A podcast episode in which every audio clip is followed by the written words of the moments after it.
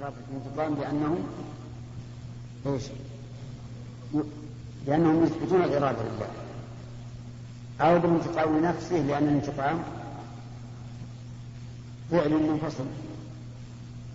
انتقام عذاب منفصل عن الله ليس من من صفاته. حاصل من الإرادة والقدرة. لأن المريد القادر هو الذي يقدر على أن ينتقم. ولهذا فسروه إما بإرادة الانتقام وإما بالانتقام نفسه وسبق لنا بيان بطلان هذا التفسير. وقلنا إن قوله تعالى فلما آسفونا انتقمنا منهم ترد هذا التفسير. لأنه جعل الانتقام غير الأسف غير الغضب. والأسف هنا بمعنى الغضب. ثم نقول لهم إن إرادة الانتقام إنما تكون عند القدرة على الانتقام وهو وبذلك يحصل الغضب في الغالب. فما المانع من أن يوصف الله بذلك؟ وهو صفة الكمال إذا وجد سببه. نعم.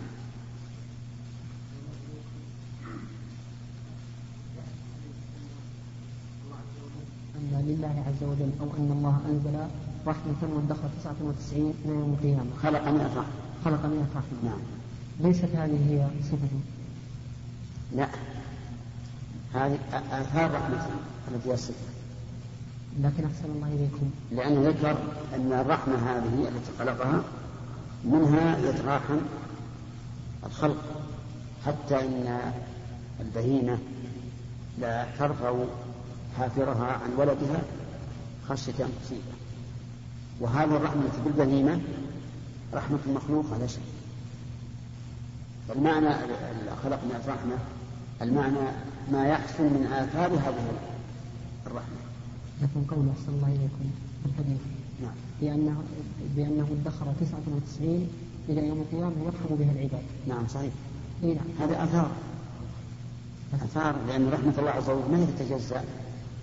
رحمة الله عز وجل التي هي صفة صفة في ذاته ما تتجزأ. لكن الذي يتعدد ويمكن أن يتعدد هو أنواع الرحمة التي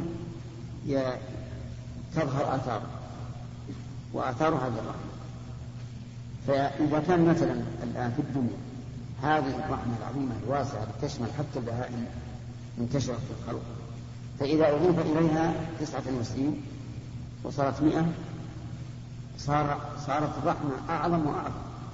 وآثار رحمة الله في ذلك اليوم أعظم وأعظم من آثار رحمة الله في هذا اليوم. طيب أحسن الله عليكم هل يمكن أن يقال مثلا في هذا الحديث فيه متشابهات مثلا لو أورد مورد هذا الإيراد. إيش؟ أقول هل يمكن مثلا لو أورد مورد هذا الإيراد نعم. أن يقال هذا الحديث فيه متشابهات فيرد إلى المحكم ما في تشابه. الحمد لله إذا علمنا بأن صفات الله غير مخلوقة وأن وأن رحمة الله عز وجل لا يمكن أن تحدد بعدد لأن الرحمة صفة. ما هي كم ولكنها معنى في نفس الرحمة. علمنا أن المراد بذلك ما يظهر من آثار هذه الرحمة. آثار رحمة الله في الدنيا عظيمة واسعة لكن في الآخرة تكون أعظم وأوسع. يعني تضاعف تسعة وتسعين مرة نعم نعم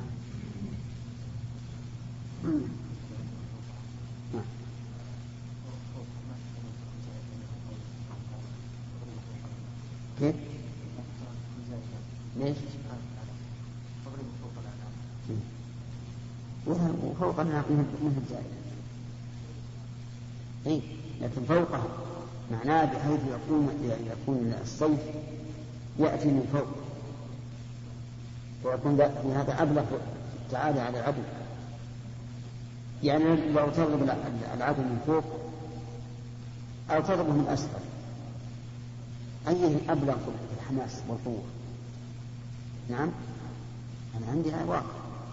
والقول القول بمجزاء غلط. أما قوله فوق عرشه فلا مانع من أن تكون عنده فوق العرش لكن لا تكون أعلى منه. لا تكون أعلى منه. يعني المحظور الذي حضره بعض العلماء وتكلف وتخريج هذه الكلمة غير موجود. لو كان لو لو كانت الرحمة فوق الله مثلا الكتاب فوق الله لصار فيه إشكال. لكن هو فوق العرش ولا مانع من هذا. فالعلو المطلق لله لا ينافيه أن يكون عنده كتاب فوق عرشه كتب فيه أن رحمته سبق. غضبه نعم ها؟ ليش؟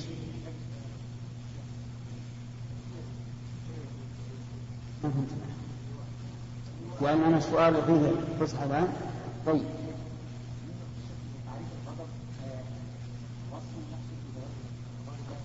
إيش؟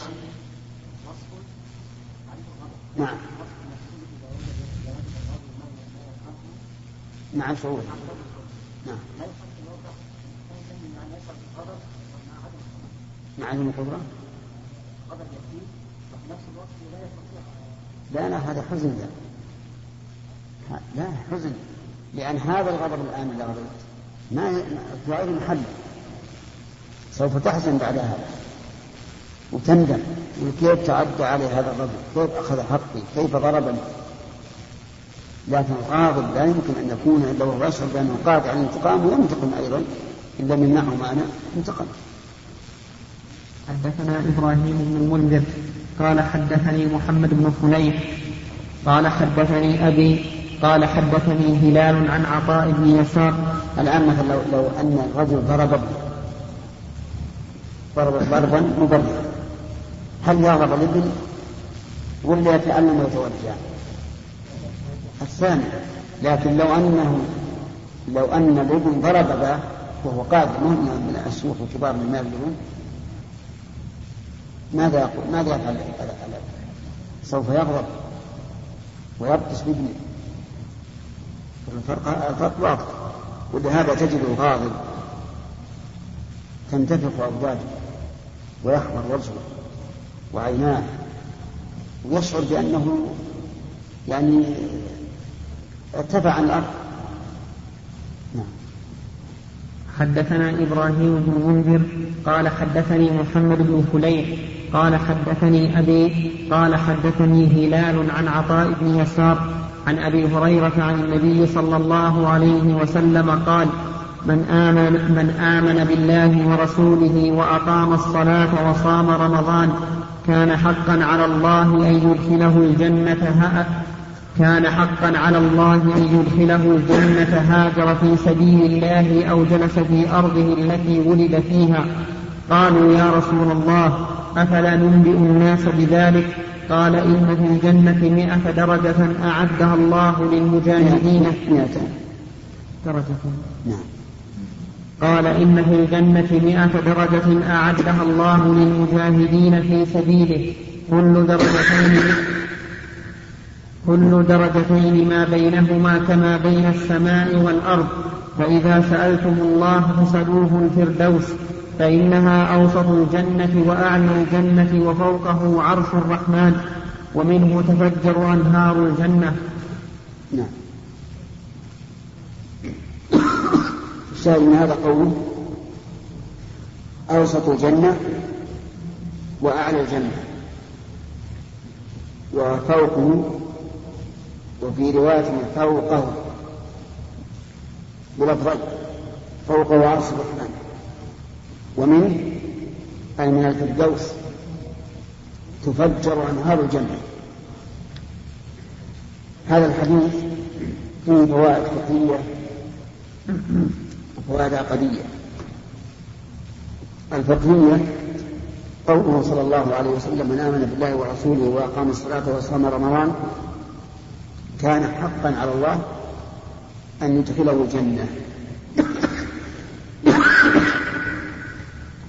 ولم يذكر ولم تذكر الزكاة والحج مع أنهما من أركان الإسلام ولا بد منه ومن لم يزكي فإنه على خطر وإن كان الصحيح أنه لا يكفر لكنه على خطر. وكذلك الحج. ذهب كثير من العلماء إلى أن من لم يحج مع قدرته فهو كافر لقوله تعالى ومن كفر فإن الله غني على العالمين. فلعل الراوي نسي فحذفهما وإلا فلا بد من ذكره. ومن من وكذلك المسألة أن الإنسان إذا كان في بلد كفر وقدر على أن يقوم بدينه فإنه لا تجب عليه الهجرة. لكن إذا لم يقدر على إظهار دينه وجب عليه أن يهاجر. وهذا هو الصحيح أن الهجرة باقية إلى أن تقوم الساعة. لقول النبي صلى الله عليه وسلم لا تنقطع الهجرة حتى تنقطع التوبة ولا تنقطع التوبة حتى تطلع الشمس من مغربها. وأما من قال من أهل العلم إن الهجرة انقطعت بفتح مكة لقول النبي صلى الله عليه وسلم لا هجرة بعد الفتح. فيقال إننا لا نعم وقال إن هذا ثابت في الصحيحين بخلاف الأول. فيقال إننا لا نحتاج إلى الترجيح إلا إذا إلا حيث يتعذر الجمع. فإذا أمكن الجمع عملنا بالدليلين جميعا. ويكون معنى قول لا هجرة بعد الفتح أي من مكة. ولكن جهاد وعلم أما من غير مكة فمتى وجد السبب الموجب للهجرة؟ فإن الهجرة تجب وفي هذا وفيه من المسائل العقدية أن في الجنة مئة درجة أعدها الله للمجاهدين في سبيله.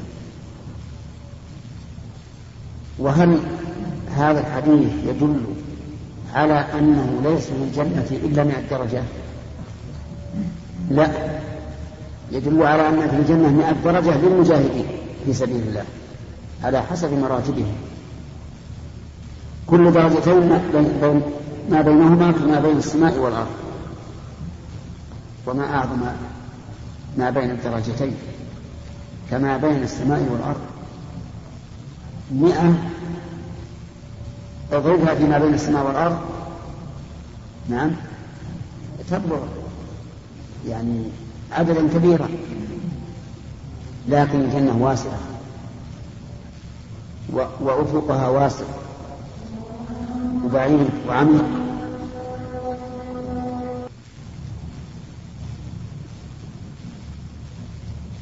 ومما يستفاد من الحديث أن الإنسان إذا سأل ينبغي أن يسأل الأكمل والأعلى لأن فضل الله واسع. ولا يحقرن نفسه فيقول لست بأهل لذلك بل يسأل منتهى رغبته.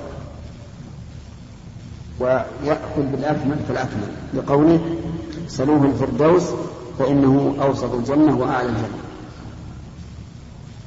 ومنها أن الجنة مثل الخيل وذلك أن لأن الفردوس وسط الجنة وأعلى الجنة ولا يكون وسطا وأعلى إلا إذا كان مثل القبة. لأنه لو كان مسطحا لم يكن وسط الجنة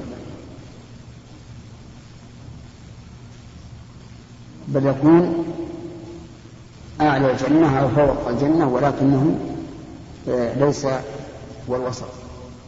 فالوسط الأعلى لا بد أن يكون مثل القبة.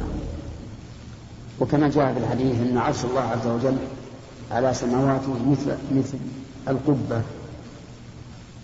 وبه يتبين أن هذا الكون السماوات والأراضين أنها مكورة.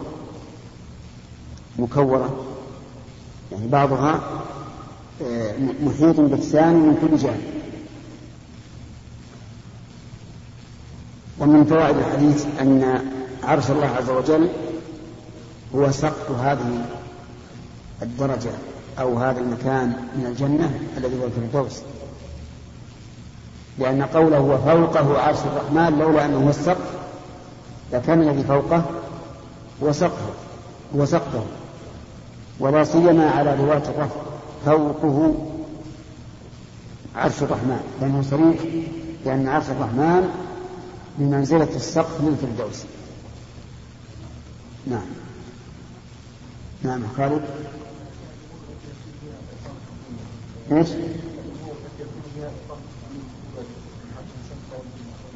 التي يكون فيها؟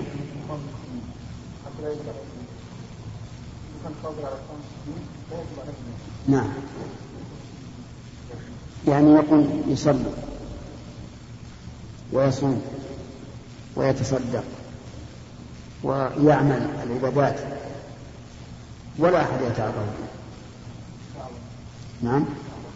وكذلك الدعوة إذا كانت البلد بلد, بلد إسلامي فالهجرة لا تجب منها. لكن إذا كانت بلد كفر فقد يقال بوجوب الخروج إذا منع من الدعوة. لأن الدعوة لا شك أنها من مهمات الدين. لكن إذا كان البلد بلدا إسلاميا فإن الهجرة منه لا تجب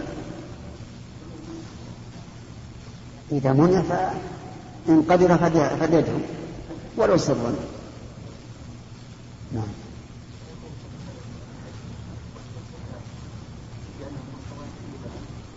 نعم إيش؟ نعم. هنا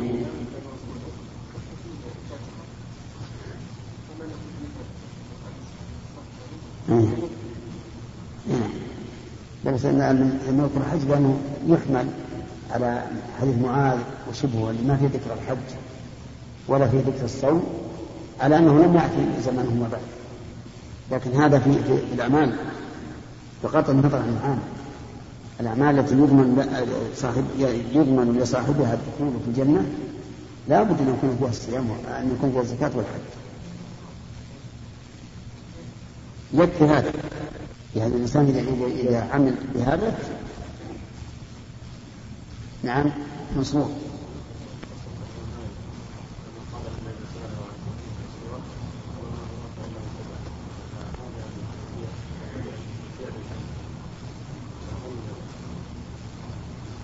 يجزم بذلك الإمام مالك قال ما أراك إلا مبتدعا.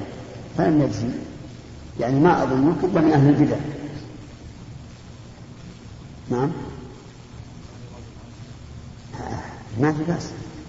لا بأس أن تقول للشخص أظن هذا مبتدع مبتدعا أو تقول له أظنك مبتدع.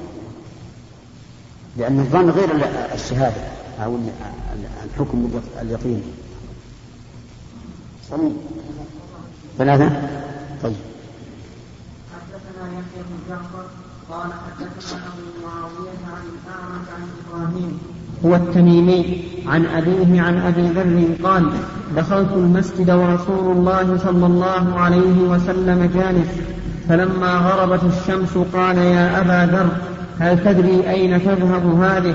قال قلت الله ورسوله أعلم. قال فإنها تذهب تستأذن في السجود فيؤذن لها وكأنها قد قيل لها ارجعي من حيث جئت فتطلع من مغربها ثم قرأ ذلك مستقر لها في قراءة عبد الله.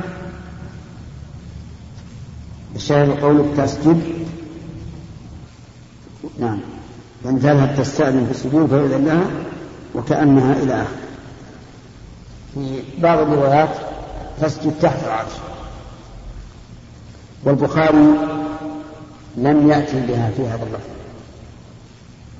وهذا من تصرفاته الكثيرة رحمه الله أنه يأتي بالحديث وإن لم يوجد فيه الشاهد لأجل أن يعتني الطالب بالبحث عن اللفظ الآخر الذي فيه ذكر ما يكون شاهدا للباب.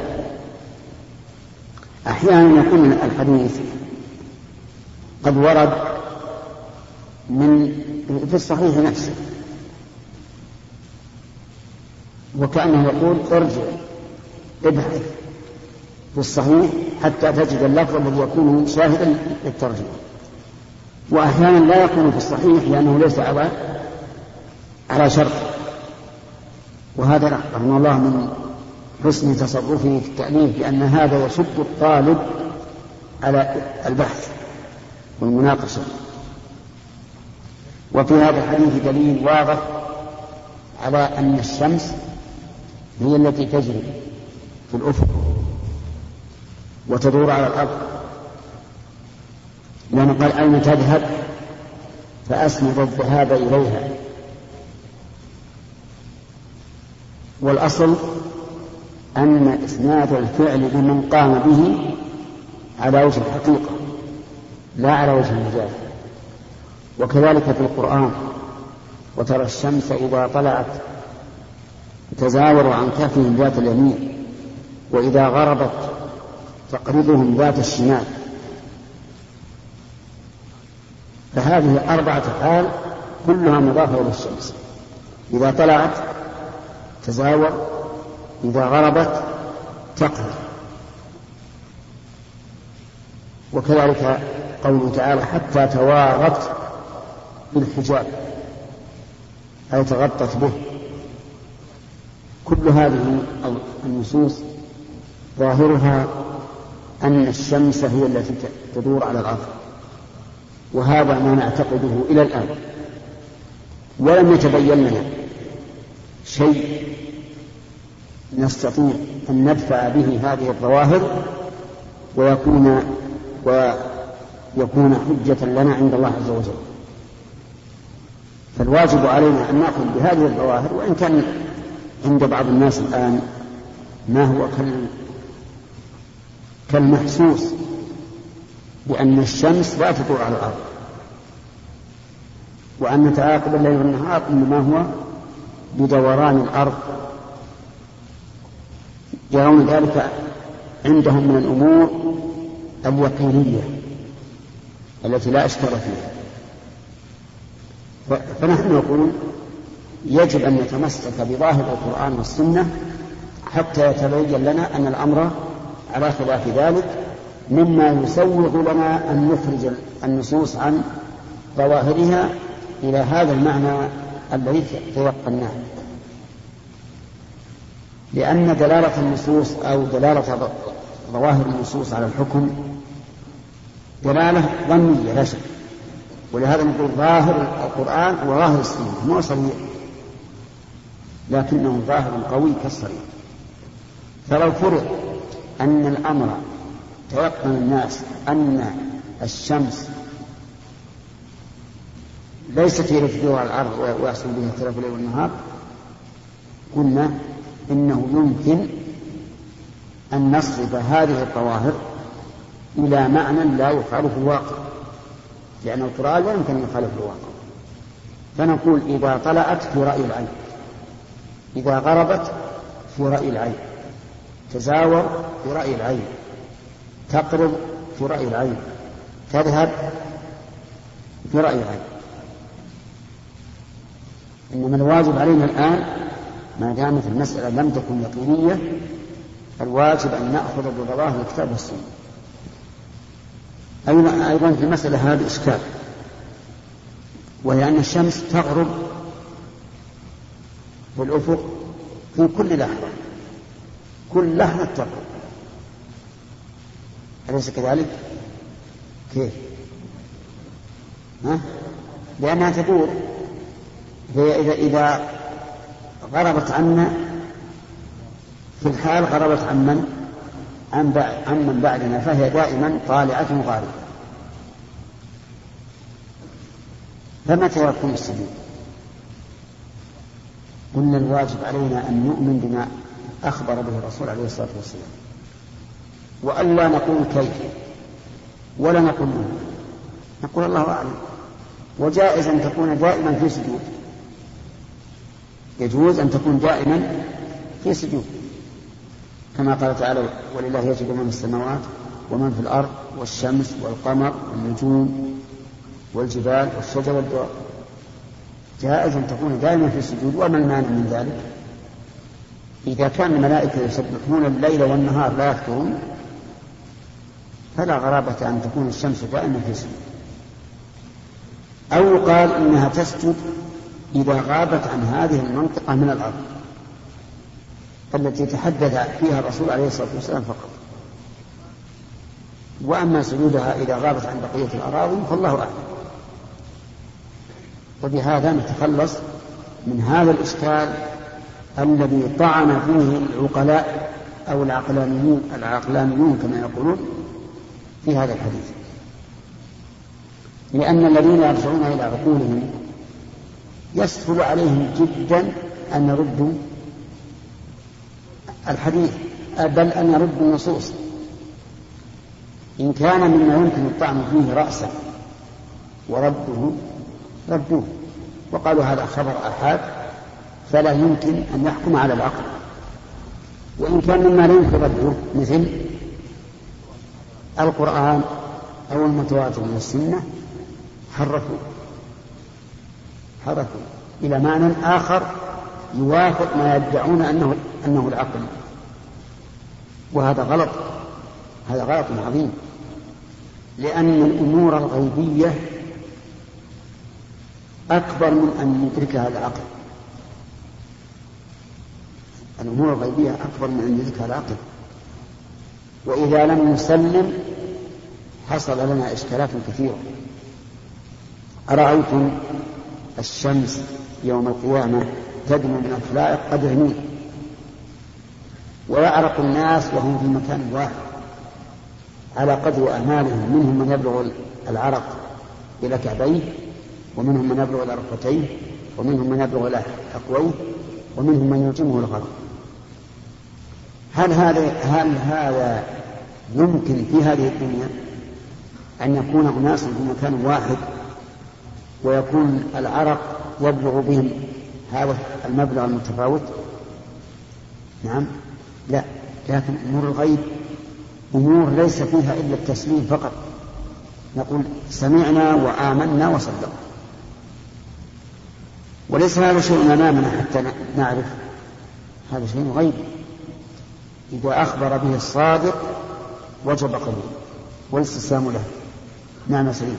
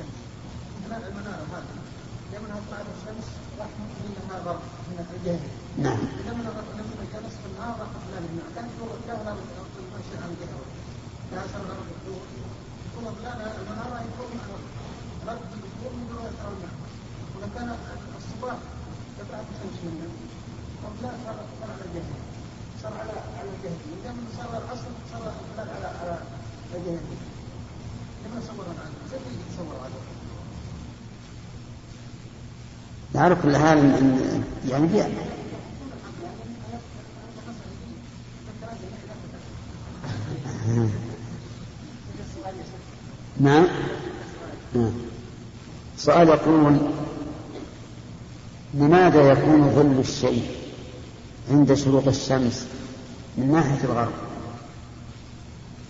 وعند غروب الشمس من ناحية الشرق. هذا يدل على أن الشمس هي التي تدور على العالم. نعم هذا معنى كلام الأخ سليم فنقول المسألة يجب علينا نحن ونحن نؤمن بالله ورسوله أن نأخذ بظواهر الكتاب والسنة. حتى يتبين لنا مثل الشمس أنها على خلاف ظاهرها فإذا تبين لنا أنها على خلاف ظاهرها فإننا نؤمن بالواقع. ونقول هذه الظواهر يمكن أن تصرف إلى معنى يطابق الواقع. ونحن نعلم أن الكفرة ومن انبهر بعلومهم سيقولون ما هذه العقلية؟ الأمر عندنا مثل الشمس. نتيقن يقينا أنه أن اختلاف الليل والنهار بسبب دوران الأرض لا بسبب دوران الشمس. فنقول إذا كان هذا عندكم معلوما بالضرورة أو متيقنا فلكم اليقين. أما نحن سوف نمشي على ظاهر كلام الله ورسوله حتى يتبين. نعم مصطفى.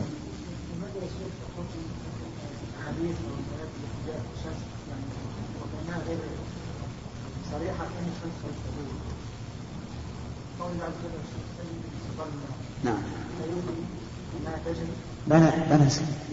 ما في شك إن ظواهر الكتاب والسنة على هذا.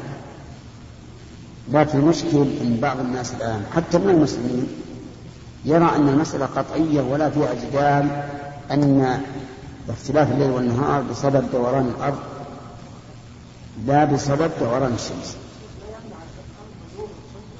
ما يمنع المنع أقول لا يمنع هذا. لكن كون نقول إن الشمس بالنسبة للأرض ثابتة وأن الشمس تدور حول محورها فقط هذا ما ما صحيح نعم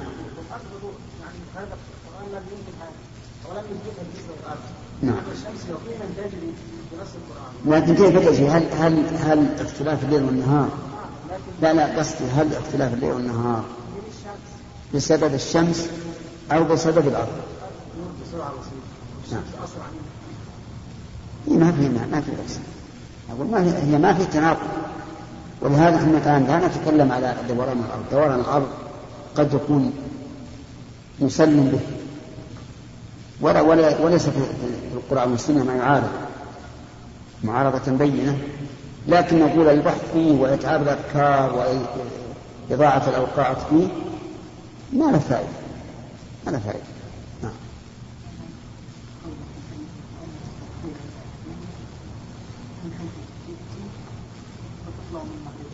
نعم يعني أنها إذا سجدت واستأذنت فإنه لا يؤذن لها ويقال أرجعي من حيث جئت فترجع من مغربها تطلع من المغرب ها؟ الآن لا بأس لكن هي يوشك كما في الفاظ يوشك أنها تستأذن ولا يؤذن لها قال ارجع. فمثلا إذا كانت تتجه للغرب؟ وقيل ارجع من حيث جئت. رجعت للشرق وخرجت على الناس من الغرب. وحينئذ يؤمن الناس كلهم كل الناس يؤمنون. لكن الله يقول لا ينفع نفس الإيمان ولم تكن آمنت من قبل أو كسبت في إيمانها خير. نعم. طيب. حدثنا موسى عن إبراهيم قال حدثنا ابن شهاب عن عبيد الله بن السباق أن زيد بن ثابت أن زيد بن ثابت وقال الليل حدثني عبد الرحمن بن خالد عن ابن شهاب عن ابن السباق أن زيد بن ثابت حدثه قال أرسل إليه أبو بكر فتتبعت القرآن حتى وجدت آخر سورة التوبة حتى وجدت آخر سورة التوبة مع أبي خزيمة الأنصاري. لم أجدها مع أحد غير مع أحد غيره. لقد جاءكم رسول من أنفسكم حتى خاتمة براءة. وحدثنا يحيى بن بكير قال حدثنا الليث عن يونس بهذا وقال مع أبي خزيمة الأنصاري. آخر السورة فإن تولوا فقل حسبي الله لا إله إلا هو عليه توكلت وهو رب العرش العظيم. هذا هو الشاهد في الحديث. وزيد بن ثابت رضي الله عنه أحد النفر الذين كلفهم أبو بكر وعمر أن يتتبعوا القرآن ويجمعوه. وهذا هو الجمع الأول للقرآن. على عهد أبي بكر رضي الله عنه. أما جمع عثمان رضي الله عنه فإنما كان جمعه على حرف واحد وهي لغة قريش. وكان من الأول يقرأه الناس بلغاتهم. وهذا معنى قوله صلى الله عليه وسلم أنزل القرآن على سبعة أحرف. فلما كان في عهد عثمان رضي الله عنه واتسعت الآفاق وانتشر المسلمون في كل مكان. وصار بعضهم يقرأ بهذا وبعضهم يقرأ بهذا. خاف عثمان ومن معه من الصحابة؟ أن تقع فتنة بين المسلمين. فاستشار الصحابة وجمعهم على حرف واحد وهو لغة قريش. وليست القراءات السبع هي الحروف السبعة. هي الحروف السبعة. بل القراءات السبع كلها على حرف واحد وهو لغة قريش. فاجتمع المسلمون ولله الحمد على ذلك وحصل بهذا خير كثير. ولكن إذا قال قائل إيه، هذه الآيات التي في آخر سورة التوبة مع أبي حزينة الأنصاري وهو واحد. فكيف اعتمد الصحابة على نقل واحد وهو القرآن كلام الله عز وجل قلنا اعتمدوا على ذلك لماذا؟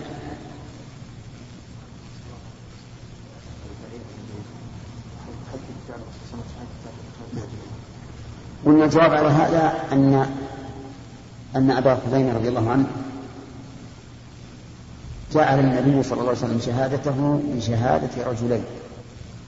هذه واحدة الشيء الثاني أن تلقي الأمة أن تلقي الصحابة له بالقبول كاف في ثبوته.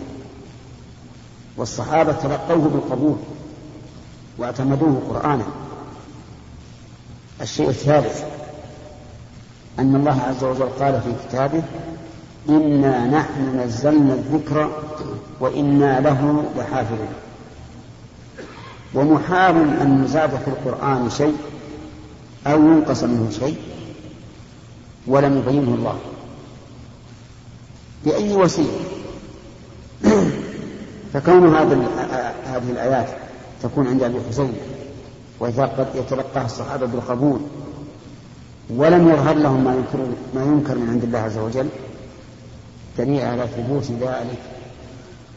وبهذا نعرف ما ذكره بعض أهل العلم أن من أنكر حرفا من القرآن فهو كافر.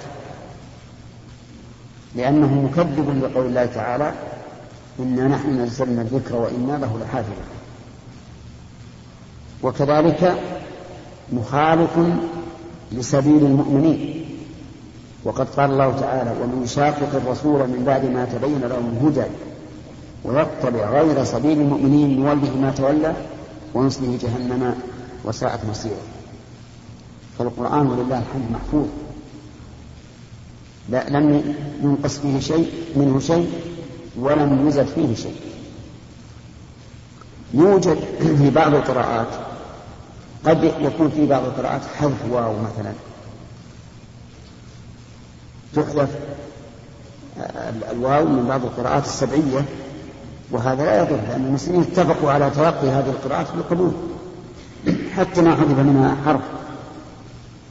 لكن ما أجمع القراء عليه فإنه لا يجوز إنكار شيء منه أبدا.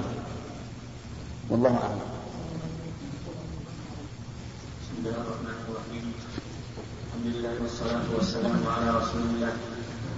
قال البخاري رحمه الله تعالى حدثنا معل بن أسد قال حدثنا وهيب عن سعيد بن في أي باب؟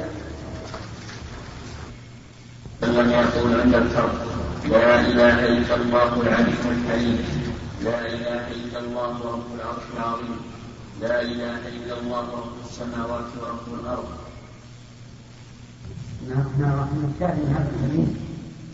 قوله رب العرش العظيم وقوله رب العرش الكريم.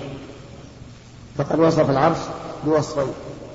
أولا العظم والثاني الكرم. وليس المراد بالكرم البذل, البذل والعطاء. لأن العرش لا يبذل ولا يعطي.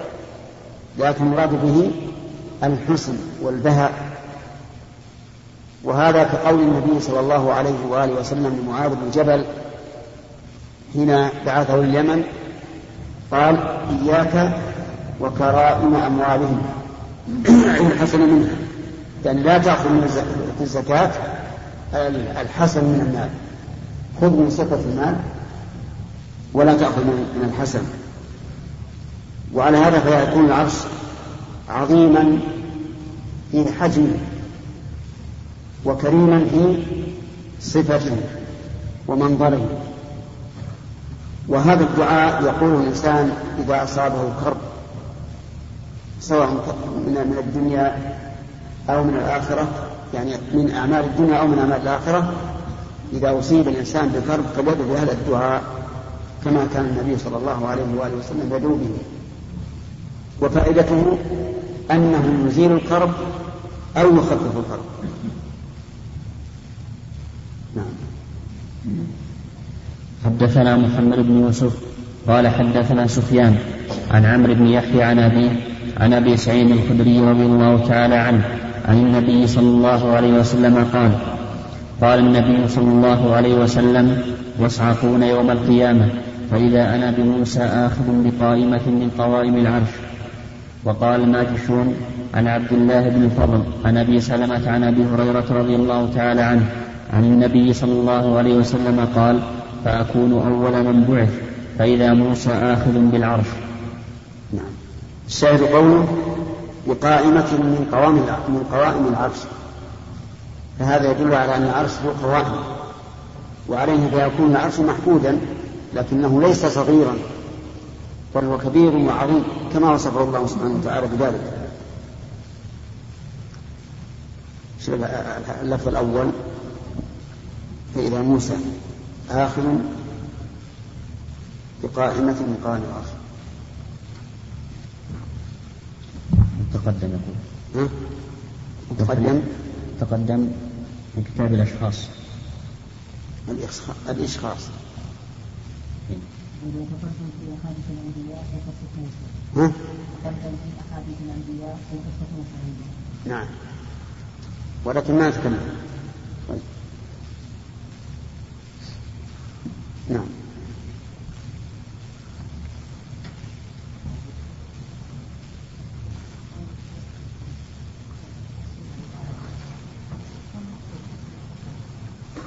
انتهينا منها يا شيء مضى وشرحناه وبيناه. نعم. نعم. هذا جاء به استطرادا أما قول العرش المجيد تعرض حميد ومجيد استطرادا نعم. نعم. نعم. إيه ما يظهر هذا. آخذ بالعرش ويبقى قائمته نعم.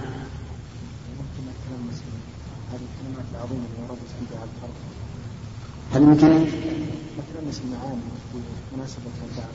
الخلق. نعم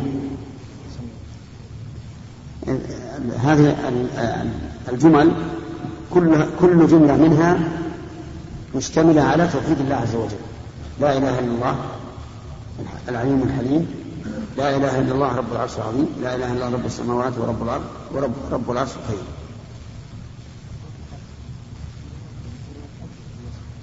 إيش؟ كلمات يعني أعظم في لا لا هذه من أعظم شيء. والمناسبة واضحة. الحلم لأنه قد يكون هذا الكرب عقوبة من الله عز وجل. فتوسل إلى الله تعالى بذكر اسمه الحليم. وقد يكون هذا الكرب بسبب من ضيق على الإنسان. فيذكر فيذكر أن الله رب العرش العظيم وأنه له الملك والسلطان الأعلى. وكذلك يقال في رب السماوات ورب الأرض.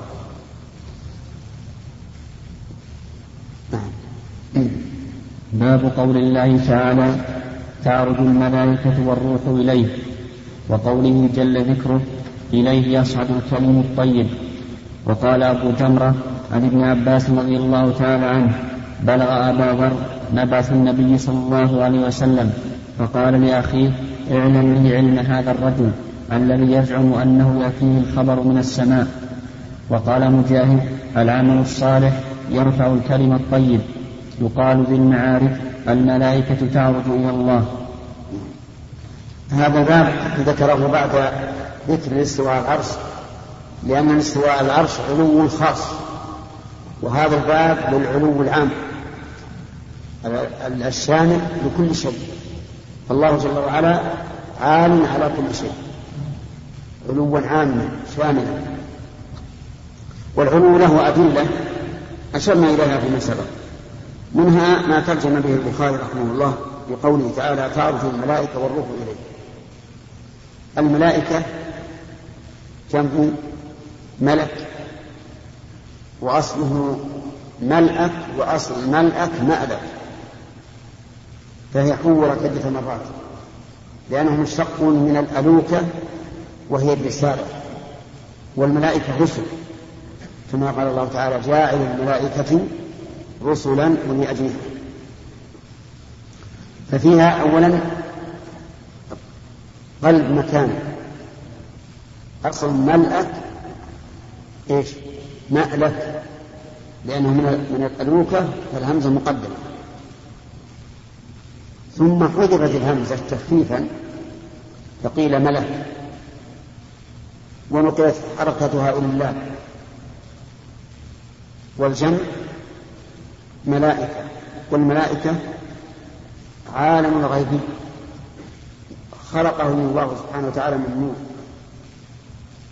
وجعل وظائفهم متنوعة مختلفة.